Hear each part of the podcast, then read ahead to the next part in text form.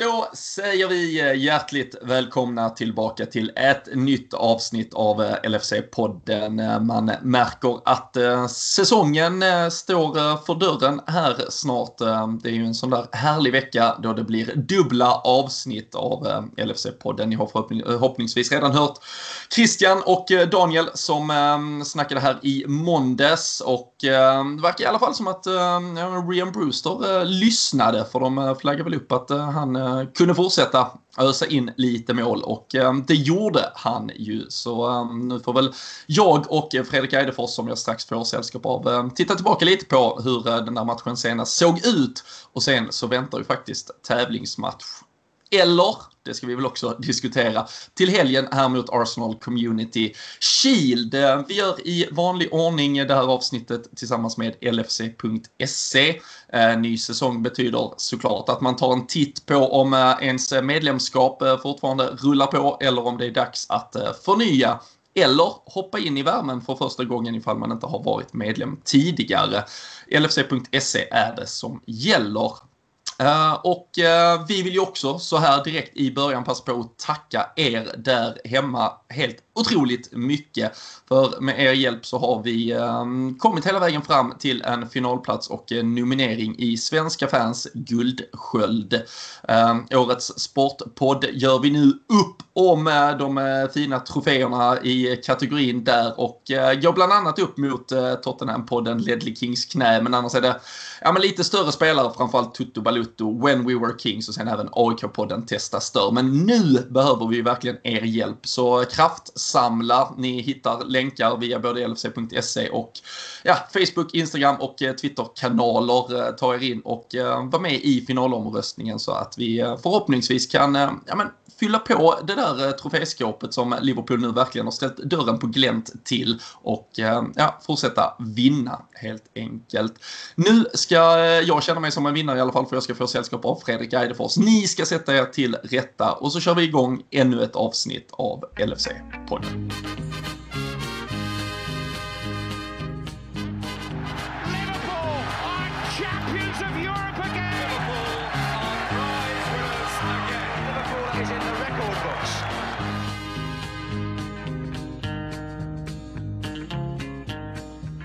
Jajamensan, eh, Fredrik Eidefors. Eh, hur är läget med dig? Det är alldeles utmärkt. Tack för att du frågar Robin. Jag eh, känner väl visserligen att hur jag mår är sekundärt just nu. Jag är mer intresserad av hur, hur, du mår efter att ha varit med och gjort en väldigt rolig grej som eh, jag tror vi eh, många kommer se här under, under dagen. Det är ju, herregud, vad är det då? Torsdagen vi spelar in detta. Torsdag förmiddag, vad det nu blir. Ett quiz som du var med i, du och Jocke. Ja men precis. Eh, jag, jag, nämnde ju i eh, introt att vi går upp mot eh, bland annat då Ledley Kings knä i den här guldsköldsomröstningen. Men vi gick ju även upp mot dem här i början av veckan i um, Dopp-TV, produktionsbolaget som gör bland annat Eurotalk, Fantasy-TV, lite andra kul men, underground låter ju helt fel, de har ju etablerat sig verkligen, men eh, de gör ju ja, men, sina program på, eh, på sitt eget lilla sätt och där Quizaleta har varit ett frågesportsprogram där ja, men framförallt väldigt många så här, programledarduos kanske har utmanat varandra. Eh, ganska mycket kända profiler man som fotbolls ja, förbrukare. Eh, I alla fall känner igen från tv-rutorna. Och eh, nu kör de då lite utmanarmöten. Och eh, då fick vi som LFC-podden gå upp mot Ledley Kings knä då, Jimmy och Robin därifrån i eh, första mötet och det släpptes nu här torsdag klockan eh, 10 och eh, det eh, ska bli spännande att se hur det tas emot eh, där hemma. Det är såklart också en eh, jävla tuff match, eh, mycket prestige som står på spel och eh, vi kan ju såklart inte avslöja någonting här om hur det går men jag kan ändå lova hur så här objektivt sett att det, det är en match som svänger. Ehm, du vi har ju haft ett par möten mot eh, Tottenham där både vi har pulveriserat dem och de har pulveriserat oss. Ehm, och det är väl ändå roligast Fredrik, när det, är, när det är jämnt hela vägen in. Ja, det, det får jag ändå säga. Det, det, var inte likt Champions League-finalen i alla fall som var väldigt avslagen. Utan det, det var lite mer som det 2-2-mötet kanske på Anfield där eh, Harry Kane filmade till sig några straffar. Lite åt det hållet där. Verkligen eh, faktiskt. Du sätter ja, nog lite, lite eh, huvudet på spiken. Uh, just uh, slutsekundsdrama och allting var är involverat. Bara en sån sak kan vi också flagga sen, för. Sen är ju frågan om det var du eller Jocke som gjorde det snygga Salah-målet. Men jag gissar att det var du. Jag gissar att det var det. Vi, vi, får, vi låter eh, lyssnarna som eh, då blir tittarna eh, bedöma och eh, man kan följa oss eh, på Twitter eh, så har vi länkar till avsnittet de har varit eh, schyssta här att släppa ut det. Annars är det ju man kan teckna månadsabonnemang och årsabonnemang så att man får hela den här paletten av eh, program där med Eurotalk och allt annat. Men annars kan man bara gå in där, använda koden LFC så får man prova då i sju dagar helt gratis. Så då kan man ju se i alla fall det här avsnittet och sen kan man ju kanske frossa i eh, något av det andra där också så kan man se ifall man vill teckna upp sig. Men äh, nej, se det där och äh, sen som sagt hjälp oss då i kampen också mot äh, Ledley Kings knä i äh, Guldskölden det, det, är ju rätt häftigt Fredrik. Det är ja, åttonde året vi kör podden nu, tredje på raken där vi faktiskt är i final i Guldskölden. Det, när man ser vilka namn man går upp mot och liksom Erik Nivas jävla, ja, allt geniskapande han sysslar med och så, så är det lilla vi uh, som står och slår där bakom också. Ja, det, det kanske, man kanske inte ska säga att det är lilla vi längre. Vi, det var en gång i tiden i alla fall, men nu har det väl eh, blivit så att vi har ju allt, allt ifrån varit på podden Away-resor och, och, fått eh, ja, fantastiskt mycket följare som, som tycker det är kul vad vi gör och förhoppningsvis bra det vi gör också. Så det är jättekul att se att det, att det går åt det hållet. Så att nu eh, ska vi väl knäppa dem på näsan för en gångs skull förhoppningsvis. Så det, det, det är bara att kötta på, gå in och rösta. Ja, nej, verkligen. Det, man kan rösta fram till, jag tror det är 6 september, så det är väl en, ja, vad blir det, en vecka, tio dagar eh, till. Och eh, ni hittar länkar via våra kanaler. Eh, vi är sjukt tacksamma. Vi vet ju att det är med er hjälp vi redan är där vi är och eh, som sagt vi ska försöka bjuda tillbaka eh, framförallt när man kan komma ännu mer ut på vägarna igen, hitta på roliga saker tillsammans. Det, det är fan det bästa med det här. Och ehm, ja, men vi har ett Liverpool nu Fredrik som också har varit ute på vägarna. Nu eh, ska de hem eller de är tillbaka i England. Ehm, fotboll. Jag, jag sa lite där i, ja, i introt, jag visste inte riktigt, ska man säga tävlingsmatch eller träningsmatch? Vad, vad är det som väntar till helgen om vi bara kort eh, stannar där?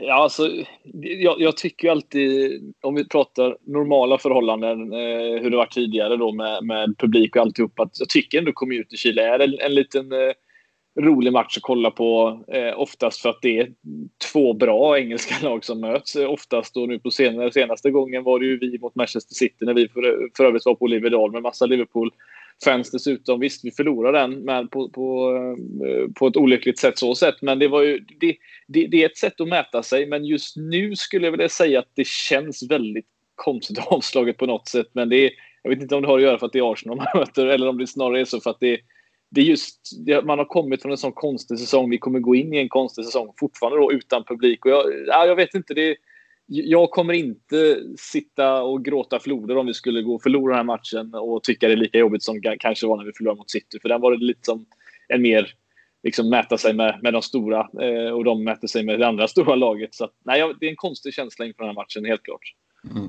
Och man kan, normalt sett så, så har man ju kanske redan spelat så här eh, fem matcher mot typ eh, Tranmere och Wigan och hela mm. lokalgänget och sen varit ute och spelat sju matcher mot någon sån här Malaysia eh, Super All-Star 11 och, och sen Alltså då känner man ju ändå att det levlas ju. Alltså nu har vi ju två träningsmatcher i benen. Stuttgart visserligen med Salzburg, det var ju ett bra Salzburg alltså, men oh ja. vi, vi har ju inte fått vi har inte fått några svar. Alltså, vi har ju sett som sagt ganska ordinarie startelva starta två raka matcher. Det, är ju inte van, alltså, det brukar ju vara, eh, kan ju vara åtta spelare man knappt vet vem de är och så vidare. Så det, det här blir nu, inget är ju kommunicerat. Jag kan väl tänka mig att det blir en eller två typ så här Tranmere träningsmatcher. Det kan till och med vara också liksom så här bakom stängda dörrar på Melwood. Så det här är kanske det sista vi, vi ser av Liverpool inför en eh, Premier League-start och med tanke på hur hur märklig bara Premier League-säsongen kommer vara med hur den är ja, ihoptryckt och, och, att det kanske kommer krävas extra mycket där så så den här, det blir ju väldigt mycket mer att man vill kanske få svar på vissa frågor kring vissa spelare. Hur, alltså, är vi, är vi i fas? Är vi redo? Men man kanske får ursäkta värdet på ja, titeln lite mer detta året än vad man gör normalt. Ja, precis. Nej, men det, det är svårt att, att säga sagt vart lag är. Jag menar, det var inte jättelänge sedan man avslutade säsongen. Och utan att analysera matchen mot Salzburg för mycket så, så kan väl jag som satt och kollade på matchen säga att eh, vi var inte eh, så bra som vi var förra säsongen om vi säger så. Det var, man märkte att det här var en riktigt trött försäsongsmatch, i alla fall i början av matchen. Eh, egentligen första halvlek skulle jag vilja säga. Det, det, det, var, var... Till och med ett, det var till och med ett Liverpool som alltså hade haft en ett fyspass på morgonen ja. innan matchen ja. också. Precis, och det, är, och det är klart att man är trött då och det såg man på många spel. Alltså, jag vet att, att många sitter och pratar om hur van Dijk alltid ser så graciös ut på planen, han, att han aldrig svettas och liknande. Men han såg tung ut alltså, det måste jag säga. Och det är inte konstigt med de kilorna han, han besitter. Men nej, det var som sagt, det, det är verkligen en konstig försäsong i det här fallet med tanke på att det, det är inte två superdåliga lag man möter som du säger heller. Så att det är eh, även om planförhållandet var olika på de, de matcherna så, så får man väl ändå säga att det, är, det, det, det ska bli kul att se hur, eh, hur ja, man står sig mot ett bättre lag i Arsenal i det här fallet. Mm. Vi, eh, vi kan väl eh, ändå börja lite i änden då, eh, Salzburg-matchen.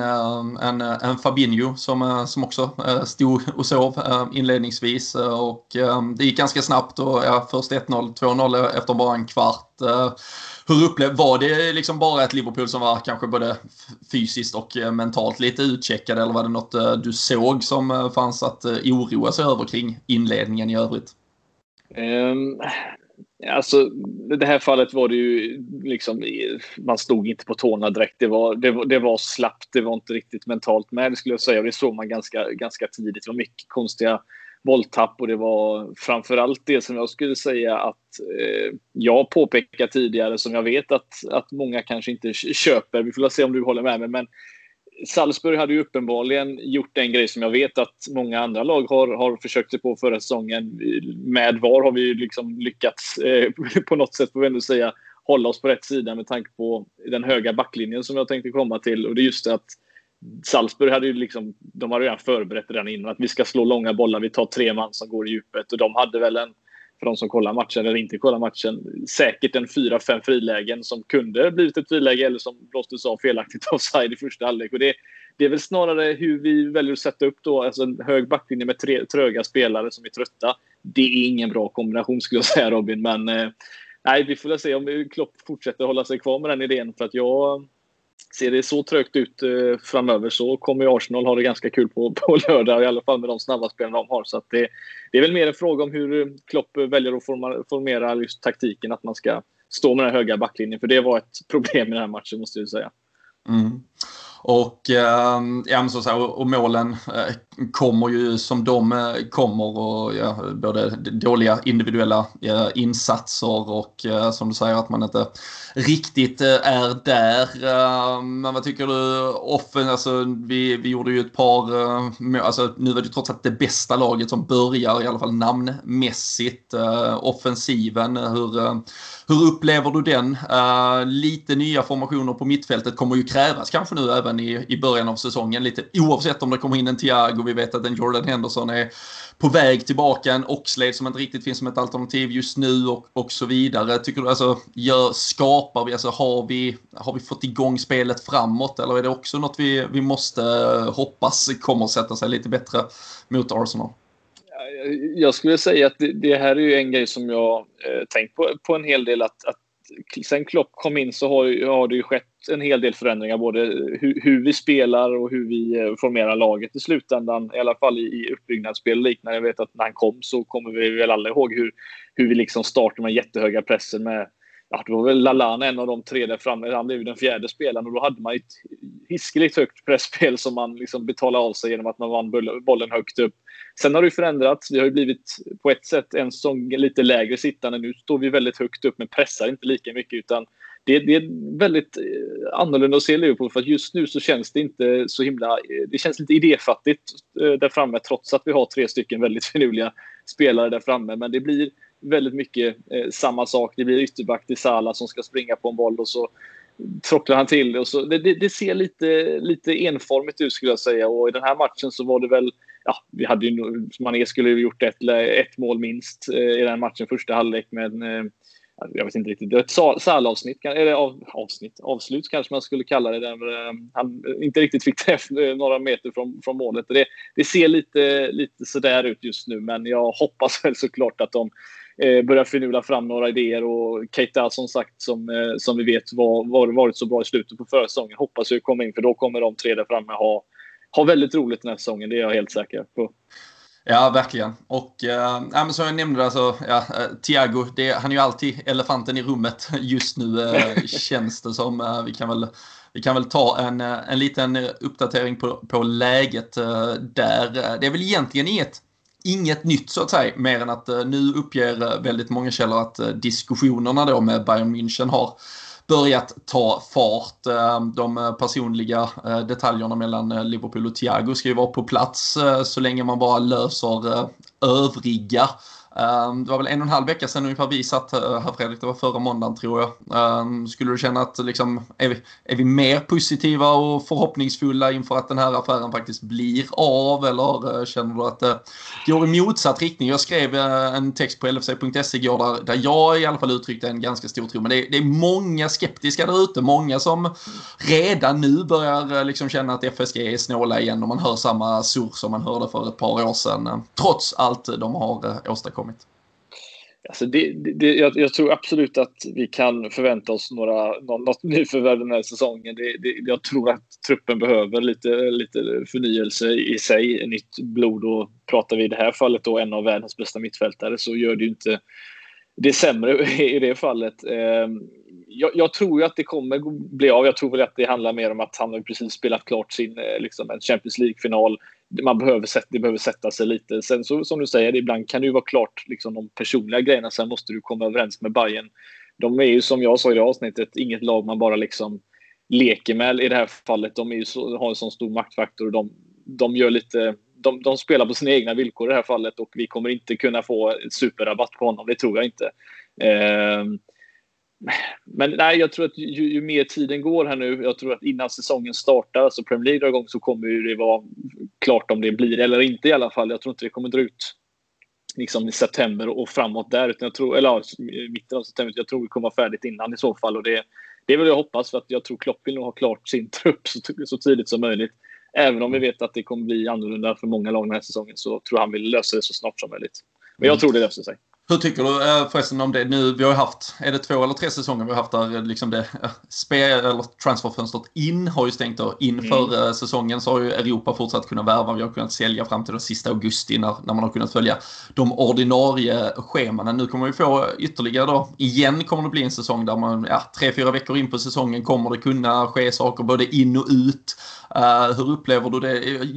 Jag känner i alla fall själv att, uh, fan, man, det var ganska skönt när man visste att allt skulle vara klart innan. Sen vet jag att man har suttit och svurit någon gång att vad fan, då hade vi kanske kunnat värva honom eller man hade kunnat få in den och sådär. Men det är också rätt störigt att gå in i en så Jag tycker också det lite ger klubbarna någon form av ja, men alltså någon sorts frisedel till att inte vara riktigt redo. Alltså sen kanske just denna säsongen inte ska man förvänta sig att alla klubbar är helt redo. Det har varit jävligt turbulent och konstigt. Men men det gör ju att det förhalar alla sådana här processer. Alla köper sig tid och det blir klyddigt. Så har man plötsligt spelat fem, sex matcher utan att knappt veta vad det är för lag vi har och vilka vi konkurrerar mot. Det, ah, jag är ingen fan av eh, detta upplägget i alla fall. Nej, det är inte jag heller för, för den delen ska vi tillägga. Jag känner väl att det finns många lag då som de kan liksom panikköpa sig på rätt, på rätt väg så att säga. Eh, och jag tycker inte heller att Alltså, nu, har inte jag, nu är inte jag inblandad i, de, i, i en storklubb på det här sättet, så jag vet inte hur det ser ut bakom eh, kulisserna här. Men så stor skillnad från att gå från en säsong till en annan och behöva liksom rebuilda ett helt lag och sen behöva ha alla de här extra, extra tiden. Det, så stor skillnad kan det inte vara. Så jag, jag tycker också att det känns jobbigt att behöva ja, inte riktigt veta.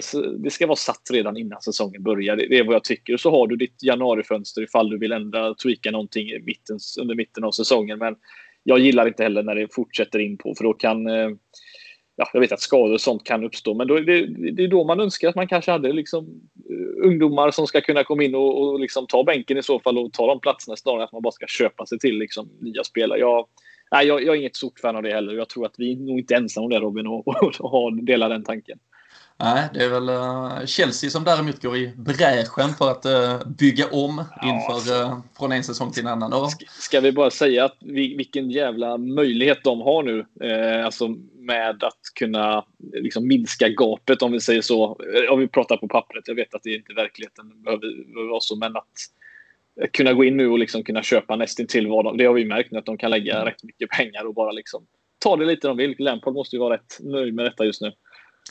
Ja, och, eh, och så här, jag, jag, förstår ju också någonstans att eh, fans eh, vänder kappan och man är ju så jävla exalterad över de här spelarna som kommer in. Det ska man ju vara. Det, det blir ju bara lite komiskt att man, när man kanske har varit en, en klubb som har fått ta skiten för att någonstans liksom har varit först ut och leda hela oligark, ja, moderniseringen av fotbollen i typ 15 år och, och sen eh, förra säsongen så, så bygger man då allt på de uh, unga talangerna och det är Mount och det är Odoi och det är uh, Abraham och Tomori och Reece James och hela gänget. Och, och det är det nya Chelsea, det, det unga spännande, det, det egenproducerade Chelsea och nu kanske man, ja jag tror inte man kommer se en enda av dem i kanske den ordinarie startelvan istället. Nej, det är också att förändra en klubb liksom från en, en säsong till en annan. Ja, nej men det, det, är väl därför det på något sätt man tycker att eh, det är klart att jag jättegärna, jag har ju uttryckt det ty, ganska tydligt, att jag också hade velat haft Werner och jag hade jättegärna haft ännu mer haft eh, en Kai Havertz exempelvis som, som kanske till och med blir klar där med. Men på något sätt så är det just det här och, och så som vi driver Liverpool, eller vi säger vi, som Liverpool driver sin klubb framåt här just nu att ja, vi, vi står här möjligheten att hämta in en av världens bästa mittfältare, men det, det kanske inte alltid är så lätt att göra det heller. Och och trots det så har vi nu då under två säsonger gjort helt magiska resultat och utan att behöva köpa till oss framgång på det sättet. Nu har vi ju köpt dyra spelare innan dess med van Dijk och liknande, men det är ju för att vi har sålt spelare också. Så att det, nej, det är, eh, det, det, det är ett, ett, helt annat sätt som Chelsea driver sin klubb i alla fall som det ser ut just nu. Men det känns ju bättre då om man lyckas nå dem på fingrarna om man fortsätter så som vi gör helt klart. Ja, absolut. Alltså, det lär ju landa på ja, minst en två miljarder ungefär oh, ja. spenderat inför den här säsongen. Och, uh, om jag känner Liverpool uh, rätt så kommer vi väl på något sätt göra någon uh, plus minus noll sommar som, som bäst och antagligen kanske ja. till och med tjäna pengar. Jag skrev faktiskt en, jag skrev en text på, på LFC.se igår om eh, ja, men liksom mina tankar kring truppen och det är väl så här, ja, det är väl mer egentligen mina realistiska tankar kring det. Sen kan man ju alltid drömma och man kan hoppas och vilja och tro att det kanske ska komma in ytterligare något eh, offensivt alternativ och så vidare. Men, men jag tror väldigt mycket på att Thiago typ är spelaren in och sen fem, sex, sju spelare som vi antagligen kommer kvitta oss med. Alltså vi pratar en, ja, men en Loris Karius, en Marko Grujic, en Harry Wilson, en Origi kanske. Vi kan väl prata han mot Brewster och lite annat snart. Um, och istället som du var inne på, alltså kanske till och med göra ett litet överskott för att sen kunna agera i, i januari också om det skulle behövas. Men det är ju väldigt svårt att ta in någon spelare nu och vi har ju inget att locka med. Det är ju typ Thiagos position där det finns en öppning. Annars mm. finns det ju inte en öppning till någon. Då ska vi hitta en tillräckligt bra spelare som ska vara till en rimlig kostnad som vi ska säga, ja, i 95% av fallen så startar du på bänken från och med nu bara så du vet om det. Mm. Nej, men jag tyckte den, den texten var, var väldigt bra. Jag tycker jag vi får, eh, fler får gå in och läsa. För jag, jag håller med om det också. Det, det som, är, som jag tänker på när man kollar här, om man bara håller sig, vi tar mittfältet i sig. Hur mycket tror du en Marko Grujic går för exempelvis?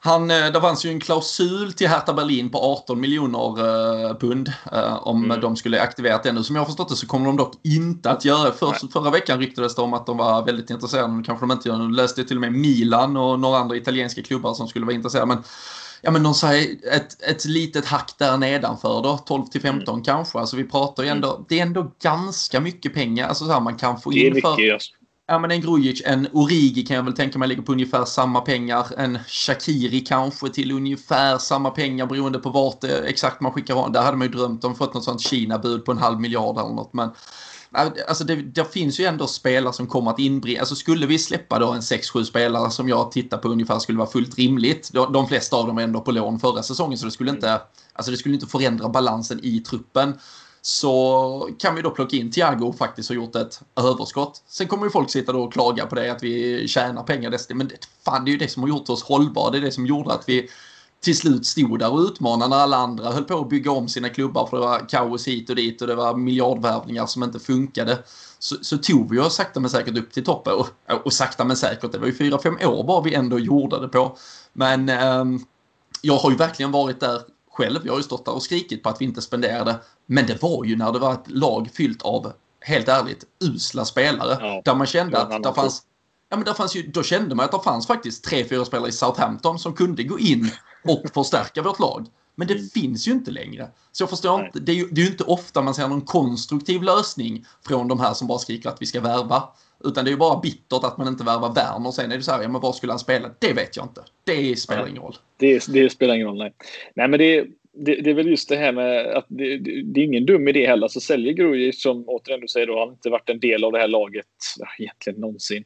Eh, I alla fall inte det här A-laget och varit, varit en del av dem. Och, eh, ja, men, det är ju frågan liksom vad, man, vad, man, vad, vad, vi tror att Liverpool egentligen värderar Thiago eh, med eh, ett år kvar på kontraktet. Jag det ryktas ju att Bayern vill ha då 30 miljoner pund för honom, vilket jag tycker det alltså för den spelaren vad det är, alltså han, han är värd så jäkla mycket mer än det egentligen. Men ja, det är ett år kvar. Nu betalar vi mycket för Oxley Chamberlain som inte hade allt för lång tid heller för den delen kvar på sitt kontrakt för Arsenal. Men just att minska ner detta. Vi har Lalana som lämnade, vad satt han på? Mellan 80 till 100 000 pund i veckan kanske. Mm. Eh, Lovren på samma menar, ungefär.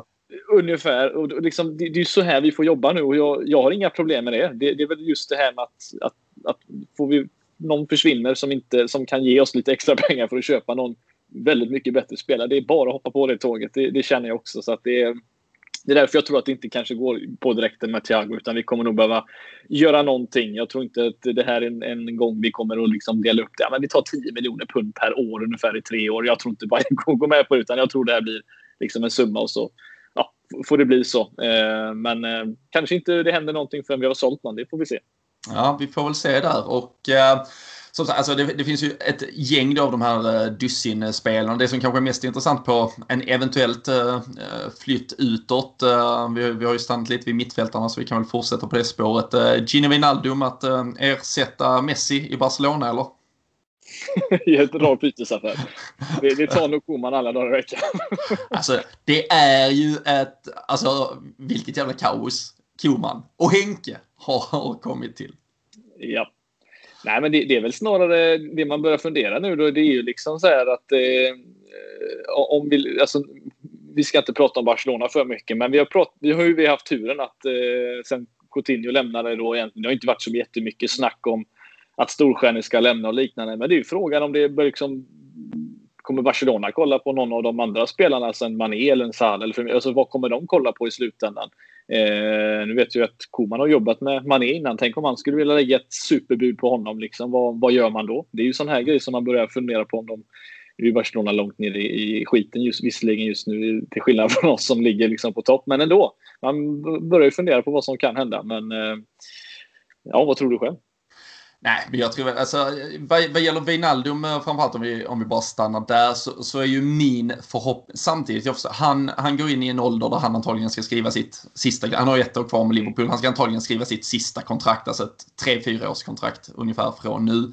Och eh, väljer han att skriva det med Liverpool så, så kommer han ju antagligen inte om om brickorna faller väl ut som vi vill, det vill säga med en Thiago som anländer, så kommer han ju antagligen inte vara en ordinarie startspelare vecka in och vecka ut, utan då kommer han ju säkert under denna säsongen på grund av rådande omständigheter spela ganska mycket, men sen så kommer det antagligen börja gå ganska snabbt mot att han spelar väldigt mycket mindre.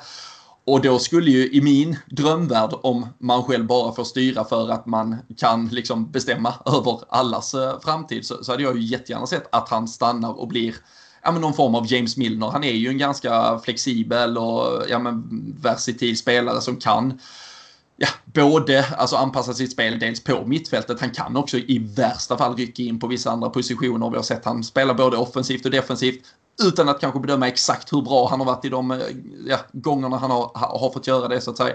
James Milner kan jag ju se, han lämnar antagligen nästa sommar och att då Wijnaldum någonstans går över och blir lite den figuren som Milner har varit de här senaste åren. Det är ju vad jag rent drömmässigt hade hoppats, men jag tycker också att där måste man ju förstå, på samma sätt som man kan sitta och svära över spelare som lämnar ibland när vi har hyllat dem och gjort dem till stjärnor så måste man ju, man måste ju verkligen i alla fall förstå spelare som där klubben kanske ja, ger dem ett, då, du hamnar lite längre ner i hackordningen helt plötsligt. Då, det är klart att de måste titta på sina alternativ. Så jag är, jag är fan jävligt osäker på om Wijnaldum stannar, men jag hoppas verkligen han gör det. Hade du känt att det var okej att han försvann om det, ja, Thiago in, han ut, då är vi ändå liksom helnöjda med hur det blev. Jag, jag är nöjd om det sker, ja. Jag är mm. mer nöjd om båda, vi kan ha båda två och just att då vi kanske förlorar en, en Grujic och eh, vad det nu än är på mittfältet egentligen. Alltså, det, det, blir rätt många alternativ. Sen är ju frågan så här, vad, vi har ju sett Klopp räkna in Chamberlain som en ytteranfallare ibland när vi, när vi har haft många liksom friska på mittfältet. Han har liksom inte fått en plats där. Det är frågan hur han väljer, väljer där. En Curtis Jones då som, har, som vi har pratat om tidigare kommer säkert få mycket mer speltid den här säsongen. Eh, kommer liksom vara hans break. Eh, alltså han kommer verkligen komma in den här säsongen tror jag. Eh, men jag hade inte sagt nej om det hade betytt Wijnaldum ut och, och Thiago in. Nej, det hade jag inte för att Wijnaldum tre år till säger vi som du sa då. Thiago kanske tre år till, om man, eller tre år istället då för honom. Jag tror vi kommer få ut väldigt mycket mer av Thiago än vi får av Wijnaldum jag ska vara helt ärlig. Det är, jag tycker inte vi har fått ut 100% av Wijnaldum rent, rent vad, han, vad han kan egentligen heller. Det är för att han har en annan position och en annan, eh, liksom, annat ansvarsområde på planen än han hade innan. Så det är väl snarare det då. Men eh, nej, det, så länge Thiago kommer in så tror jag faktiskt, om jag ska vara helt ärlig, jag bryr mig inte så mycket vad som händer. Man är beredd att offra de flesta i så ja, men lite, ja, men, lite så ja, men jag köper det. Jag, ja, jag, om det är någon som får offras av dem som, som vi har, då, så Fabinho, nej, han kom ju så nyligen. Så att, och samma Henderson kommer ju stanna och liknande. Så då är det ju Wijnaldum som kommer bli offrad i det fallet. Ja, men jag tror också, och som sagt, skulle det vara typ premissen och kravet nästan att ja, men Thiago in, Wijnaldum, då liksom, jag skriver ju såklart under direkt också, det vet jag att 99% eh, här antagligen gör. Um, I någon form av drömvärld så säger jag väl kanske istället, med tanke på nu Oxley, nu är han skadad igen. Jag tror kanske också att vi ser lite förändring på ett par av de här offensiva spelarna. Jag pratar Origi, Shakiri, att man kanske använder Oxley lite som ett ja, offensivt eh, komplement denna säsongen och då är det ja, utöver James Milner som jag tror, han är helt fine med att typ inte spela. Han spelar om det verkligen behövs den här säsongen. Jag tror han har nått upp på den nivån nu där, där han börjar också acceptera den positionen. Då är det ju i så fall, även med en Thiago in, då är det en Wijnaldum, en Keita och en Curtis Jones som jag tror är liksom de tre mittfältsalternativen. Och sen då nästa säsong då försvinner Milner helt. Jag tror vi kommer göra oss av med Oxley. Alltså, där kommer nog finnas plats för Wijnaldum. Jag hoppas man kan hitta liksom en förståelse hos honom för den rollen och eh, alltså, ja, med tanke på såklart alla, alla titlar vi har vunnit nu, hans direkta inblandning i alltså, vändningen mot Barcelona. Han vet ju, alltså skriver han ett 3-4 års kontrakt med Liverpool så, så vandrar han ju på de här gatorna som en kung hur mycket han än spelar fotboll. Men det, ja, alla parametrar ska ju vägas in och kommer att tränas av en, en landsman i Barcelona. Så, ja, är det det som ligger på bordet då, då kommer vi väl säkert inte kanske kunna konkurrera med det. Det, ja, det återstår att uh, se i alla fall. Men eh, på tal om eh, då, offensiva alternativ, vi nämnde Oxlade som en som kan vara där uppe och eh, rotera en Divock Origi som kanske snart gör sina sista dagar. Vi vet ju vi har inte fått se honom något här nu, vi vet inte riktigt vad det beror på. Läste så sent som här nu på morgonen, Newcastle har stor anfallskris och eh, ska väl ha Trots tittat. att Andy Carroll gjorde drömmål igår. Precis, men han är också den enda eh, de har där uppe nu. Så eh, det kan inte positivt. Man, inte ens eh, Steve Bruce är redo att gå in i 38 Premier League-omgångar med, med han och hans skägg till hela säsongen. Men eh, däremot så är det ju Rian Brewster som såklart har stulit eh, rubriker. Eh, de här två första träningsmatcherna, tre mål på, på två matcher. ja, räknat på minuter så är det ju än mer imponerande såklart. Och även om målen kanske inte är eh, mästerverk i sig så visar han ju att han är jävlar i det på rätt ställe eh, alltid. Och det har han ju alltid varit i ungdomslagen också. Han visade att han var det i Championship när han kom dit till Swansea eh, under våren.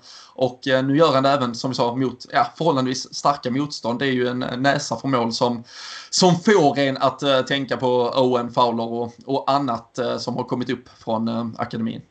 Mm. Ja, jag, jag, jag, jag, kan väl, eller jag hoppas att vi kan fastslå det redan i det här avsnittet och säga att eh, jag personligen tycker att Brewster ska gå före Origi den här säsongen. Alla dagar i veckan. Jag tycker att Divock Origi inte... Återigen, vi måste säga det i varenda avsnitt, tror jag, eller varenda gång man pratar om Origi, att ja, vi är tacksamma för allting han har gjort i, mot Barcelona och mot, eh, mot Spurs och liknande, men Alltså, han, han är begränsad. Han, han, med sin storlek så ska han ju definitivt också vara en kille som ibland behåller sig inne i boxen. Men jag tycker inte att han, han driftar alldeles för mycket ut till vänster. Kladdar på bollen och så händer det inte särskilt mycket mer. Till skillnad från Brewster som, som du säger, han har ett öga för mål. Han är i boxen och jag menar kolla på det första målet som vi gör då med, med fantastiskt där med Minner också som, som eh, genombrott in, in i, i boxen han är där, han, han drar in den högt, han sätter den. Alltså det, det är det här jag tycker att vi faktiskt ändå saknar för att Firmino är inte den typen av spelare som alltid gör det. Eller han kan vara där ibland och liknande. Om ska, ska Minamino bytas av med, eh, med Firmino så får vi en liknande typ av spelare där. Men Brewster är en, liksom en poacher. Han är den killen som är i straffområdet och jag kan nog sätta några kronor på att han definitivt gör några mål i Premier League om han får möjligheten att hoppa in i, i, i några matcher. Det, det, tror jag absolut för att han är där och eh, han har en, ett bra avslut dessutom från distans som vi har sett även i Swansea. Så jag tror starkt, jag säger inte att det är optimalt om han är killen som ska liksom komma in bakom Firmino. Där hade jag hellre haft någon just idag med lite högre klass kanske, men eh, jag ser hellre Brewster före Origi den här säsongen i alla fall. Jag vet inte om du håller med mig, men det är så jag känner i alla fall.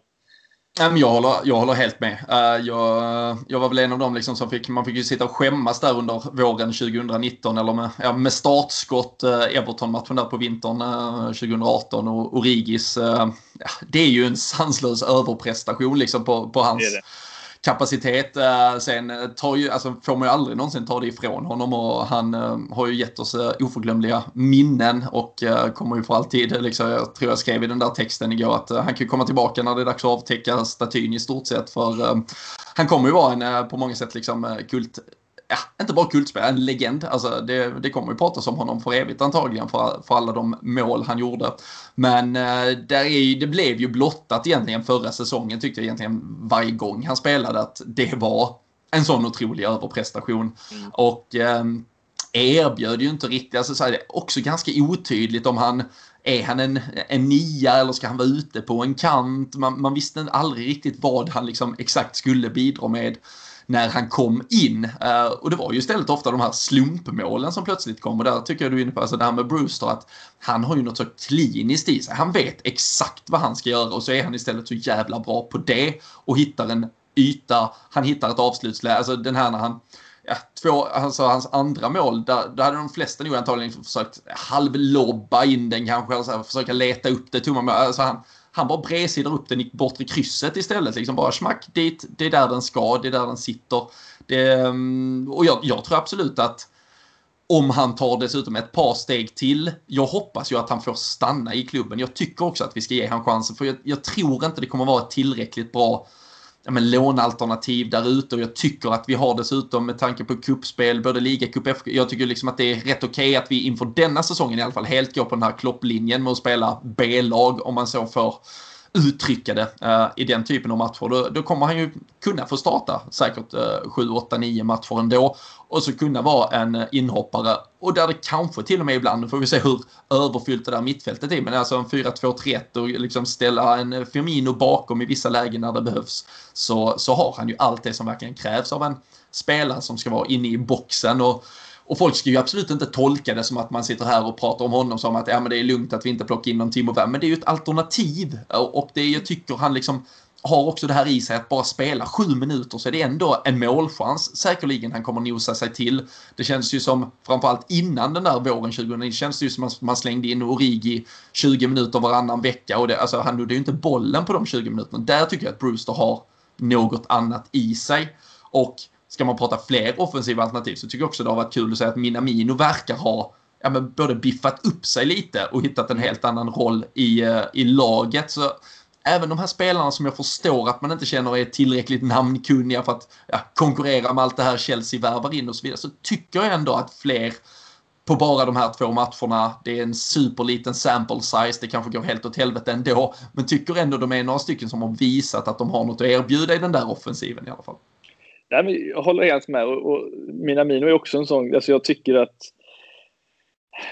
det, det jag helst... Jag, jag hade jättegärna sett Werner också i Liverpool. Vi har pratat om det tidigare. Jag ser ju hellre att vi hade fått in en spelare i så fall som hade varit just lite Minamino-aktig. Alltså någon som kan egentligen då operera på alla tre positioner där framme egentligen. För att det vi, vi har ju sett Mané faktiskt spela striker i, i någon match också under, under Klopp. Vi har ju sett Salah definitivt göra det. Och och ute på kanterna då som, som vanligt. Och, och, där är en sån som Minamino som jag tycker att, att Brewster kommer ju spela centrerad. Han kommer alltid vara eh, nummer nio liksom. Han kommer aldrig vara ute på kanten tror jag. Eller alternativt i tvåmananfall om vi nu börjar spela så. Men Minamino är en sån här spelare som jag tycker att eh, han eh, Många glömmer ju av just det här med att om folk har bytt jobb någon gång, att när man kommer in i en ny omgivning så är man inte jättebekväm alltid. Man tar inte för sig kanske direkt det kanske du gör Robin, jag vet inte. Men eh, du som har lite pondus. Men Minamino är inte riktigt den killen som, som osar liksom. Det såg man ju bara när vi lyfte pokalen. Att han står ju längst bak. Han har ingen att prata med mer eller mindre.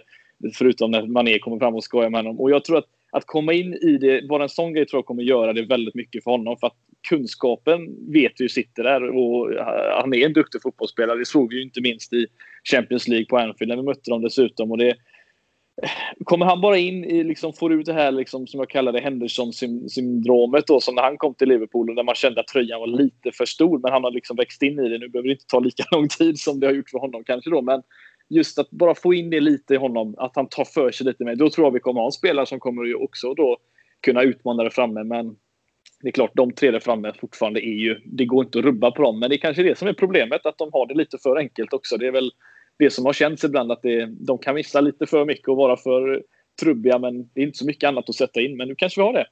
Ja, Ja, nej men absolut. Jag tycker, eh, det, jag tycker det ska bli väldigt eh, spännande att se. Det hade varit kul eh, att se såklart lite beroende på matchbild. men om man får se Bruce också mot, ja, mot ett, i och för sig ett Arsenal-försvar som kan verkligen variera i kvalitet. Vi får se vilken dag de har på jobbet och vilka spelare de ställer upp med. Det är ju väldigt rotation och spelare in och ut i den backlinjen nu också. Så vi får väl se det. Men det är ja, kul att se han testas i det här sammanhanget och så får vi se om det blir en eller två träningsmatcher till innan eh, Premier League drar igång. Men eh, jag eh, skulle jag sätta någon liten peng så, så tror jag liksom att eh, ja, Brewster är den som stannar och Rigi får kanske gå och att, um, han, ja, att han faktiskt gör fler mål i alla fall än Origi den, den här säsongen.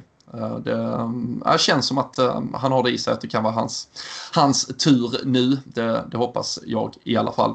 Men eh, Arsenal-matchen eh, som väntar till helgen, eh, Fredrik. Eh, vi har redan konstaterat att det, är, ja, det känns lite märkligt, eh, märkliga förutsättningar. Eh, det är ju ett tomt Wembley eh, som kommer stå eh, som värd för det här. Men väldigt glädjande eh, kan vi väl konstatera att faktiskt eh, dagen efter på söndag så kommer Brighton däremot att spela en eh, träningsmatch som är en av ehm, fyra stycken testmatcher, eller till och med fem kanske, testmatcher här i slutet av augusti och under september månad där man kommer prova att organisera med publik. Ehm, enligt uppgifter är det 2500 personer här. Sen kommer det vara två stycken matcher i damernas motsvarighet till Premier League och sen så tror jag det är i mitten av september, ungefär där om det är helgen innan eller eh, samma helg som ligorna drar igång, eller Premier League drar igång, så spelas det sådana här FA, eh, ja, non-league-finaler eh, på Wembley. Det är väl FA Vase Trophy och allt vad fan de heter. Uh, där man då ska börja prova, ja men ungefär 10% i beläggning. Det är ju uppåt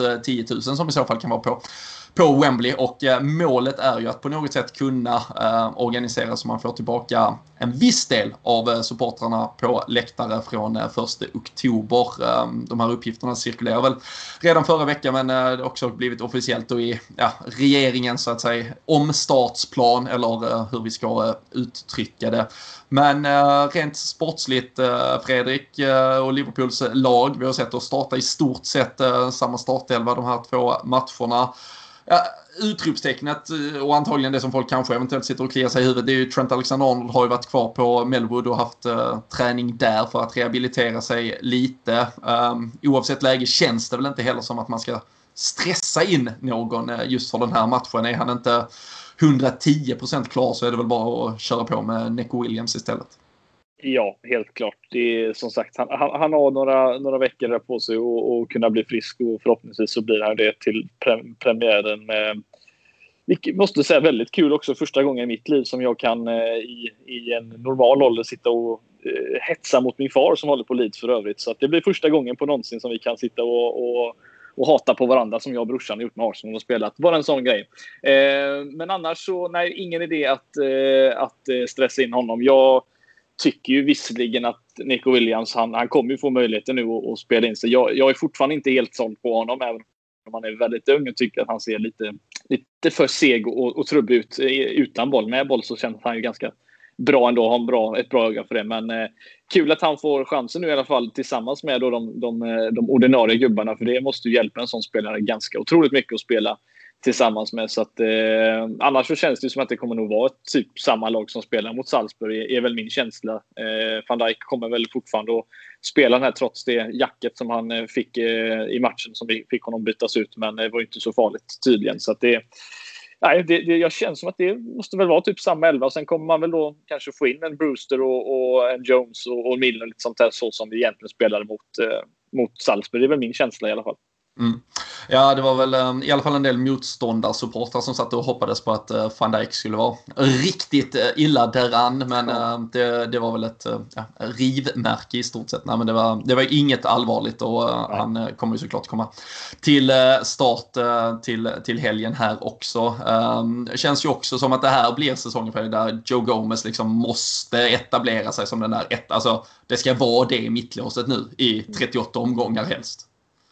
Ja, eh, och eh, det, det, kommer väl bli det också förmodligen nu. Eh, återigen, eh, Matip är ju fortfarande skadad då, men eh, det, det, handlar ju väldigt, alltså vi har ju sett Gomes vara, vi har ju sett honom vinna väldigt mycket matcher tillsammans med van Dijk. Vi har ju statistiken talar ju för att vi som sagt, vi, vi vinner ofta när de två spelar.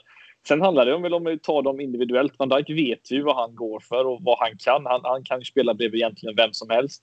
Eh, Gomes, eh, det som jag, jag vet inte om du håller med mig, men jag känner att det finns mycket fortfarande för honom att, att utveckla. Vi har sett honom varit ute och göra tvärtom vad Van Dijk gör som ofta läser av situationer och kanske inte tar några risker i, i, i, när det gäller att stöta upp och liknande. Vi såg ju exempelvis målet mot Chelsea, om vi tar det i sista omgången, där när Pulisic dribblar förbi honom ganska enkelt. Just det här med att, att var, ha liksom is i magen när han försvarar. Det är väl, kan han få in det på något sätt, då tror jag tillsammans med Van Dijk att vi inte bara kom, ja, vi har väl kanske det bästa mittbacksparet i England fortfarande, men det går fortfarande att utveckla så som jag ser det. Och eh, jag tror att Gomes kan fortfarande ta det steget. Jag hoppas att den här säsongen blir det, för då har vi... Eh, då, då kan det se ännu bättre ut såklart än vad det gjorde förra säsongen, även om det inte såg illa ut på något sätt. Men då kanske det blir en, en ett ytterligare steg och eh, det ska bli kul att följa honom den här säsongen för jag tror att det kan eh, göra honom gott återigen att eh, som, återigen spela en, en hel säsong tillsammans med van Dijk. Det, ja, vem hade inte gjort det för visserligen? ja, precis. Eh, du tycker alltså inte att äh, ja, tjuv och polis, eh, mittbacksparet i United, är, är bättre än Liverpools alltså? Nej, det är... Oh, herregud, ja, vi ska inte prata om det där, men äh, nej, det, det, det, är det. Det är, det, ja. det är definitivt bättre. ja, ja det, är, det är skönt att se att man ändå kan liksom, få följa lite så förfall på, på andra håll. När, när det mesta... Ja, förlåt. Nej, vad sa du förut? Nej, jag ska säga, sen är det hemskt att se hur han blir behandlad eh, på ett positivt sätt trots det han har gjort med Maguire visserligen med tanke på hur andra spelare får utstå skit för saker de absolut inte ens har gjort eh, någonting negativt. Men det är en annan, en annan podd. Ja, ja nej, det finns väl, um, det finns väl risk att typ uh, om eh, Mohamed Salah faller lite eh, lätt i ett straffområde så är det ett uh, större brott än att försöka muta poliser och annat. Oavsett vad som eventuellt har föranlett och så vidare. Såklart att vi inte känner till hela historien men det är uppenbarligen ganska allvarligt. Man kanske ska vänta med att och, och döma på, på många sätt och vis och både att, att tro på honom eller att fullständigt slakta honom. Det är väl mer kanske att de då har väldigt lätt för att slakta andra eh, normalt sett. Det är väl den eh, förändringen man hade velat se eh, från eh, media kanske eh, framöver. Men så är det med den saken. Manchester United har uppenbarligen sin eh, turbulens att eh, hantera. Vi får väl se om Lionel Messi kommer till Manchester City. Chelsea ska väl värva 7-8 spelare innan vi hinner lägga ut det här avsnittet Fredrik. Det, vad börjar vi känna? Känner vi ändå att Premier League lever det? Är det på gång? Är det dags? Börjar du bli taggad på fotboll igen eller ehm, har all den här märkliga eh, sommarfotbollen gjort en lite seg i huvudet? Ja, men taggad är jag ju absolut. Eh, det skulle jag vara dum att säga att jag inte var. Men det är fortfarande, som, som Erik Niva har sagt det många gånger, fotboll utan fansen, det blir inte samma sak. Och jag kan säga att så fort vi får in några människor på, på, på arenan så kommer det göra gott för mig. Kan jag, säga. För det, jag tycker det gör så extremt mycket. Bara igår satt jag och kollade på reprisen mot Tottenham på, eh, när vi vann med 1-0. Bara för att det var ju fans på läktaren. Och det, det, liksom, det, det är så himla mycket med in, in, inlevelsen alltihop. Så att, eh, ja, jag är, är taggad, men eh, hade det varit folk på publik, eh, publik på matchen så hade jag varit ännu mer taggad. Det är väl så jag känner. Mm. Ja, det var ju synd, eh, kameran där mot Salzburg. Det var ju 1250 personer på, på Salzburg-matchen, ja. men kameran var ju liksom på, på fel läktare, så det är ändå den tomma läktaren. Precis. Ja, uh, det, uh, det gjorde lite, lite i alla fall att höra lite fans, det får ändå säga.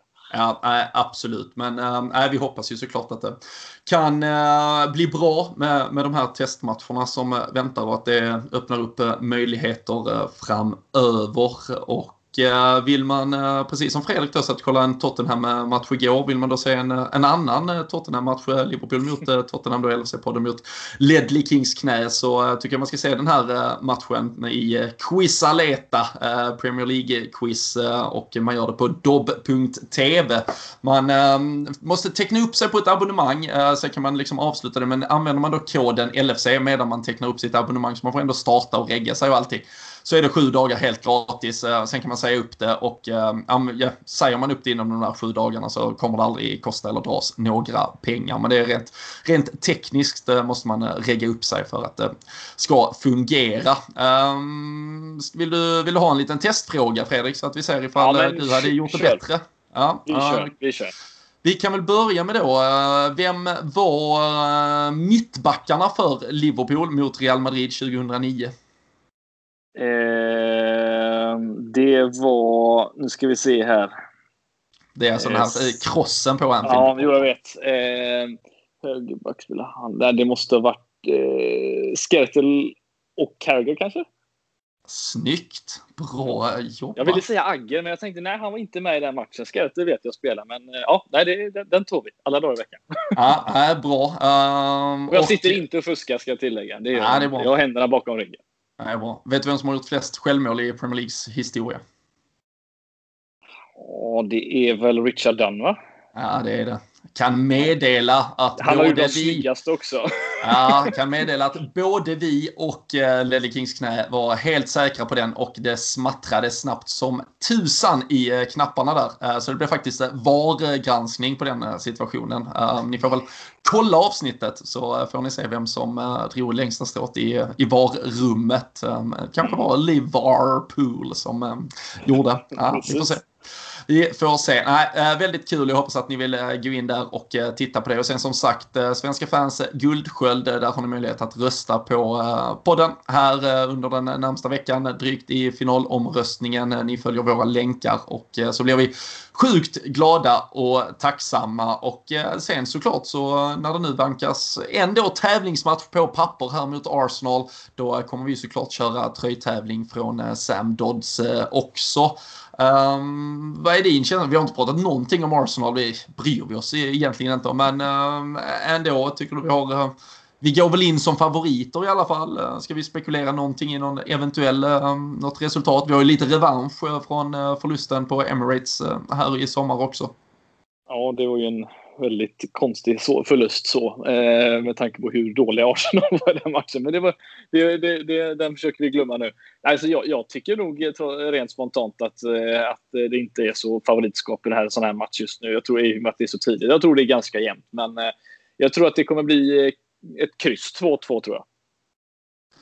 2-2. Uh... Och så vinner vi på straffar. Och så vi på straffar. Ja, jag har inte ens dubbelkollat, men jag hoppas det att det går direkt till straffar. Jag kan inte ja, tänka men det gjorde det väl Så var det ju förra året. Nu senast. Ja, ja. Och eh, även om man går över till tre byten och ordinarie grejer eh, framöver så tror jag faktiskt det är fem byten i Community Shield. Så var det också eh, ja. förra året. Ja, så.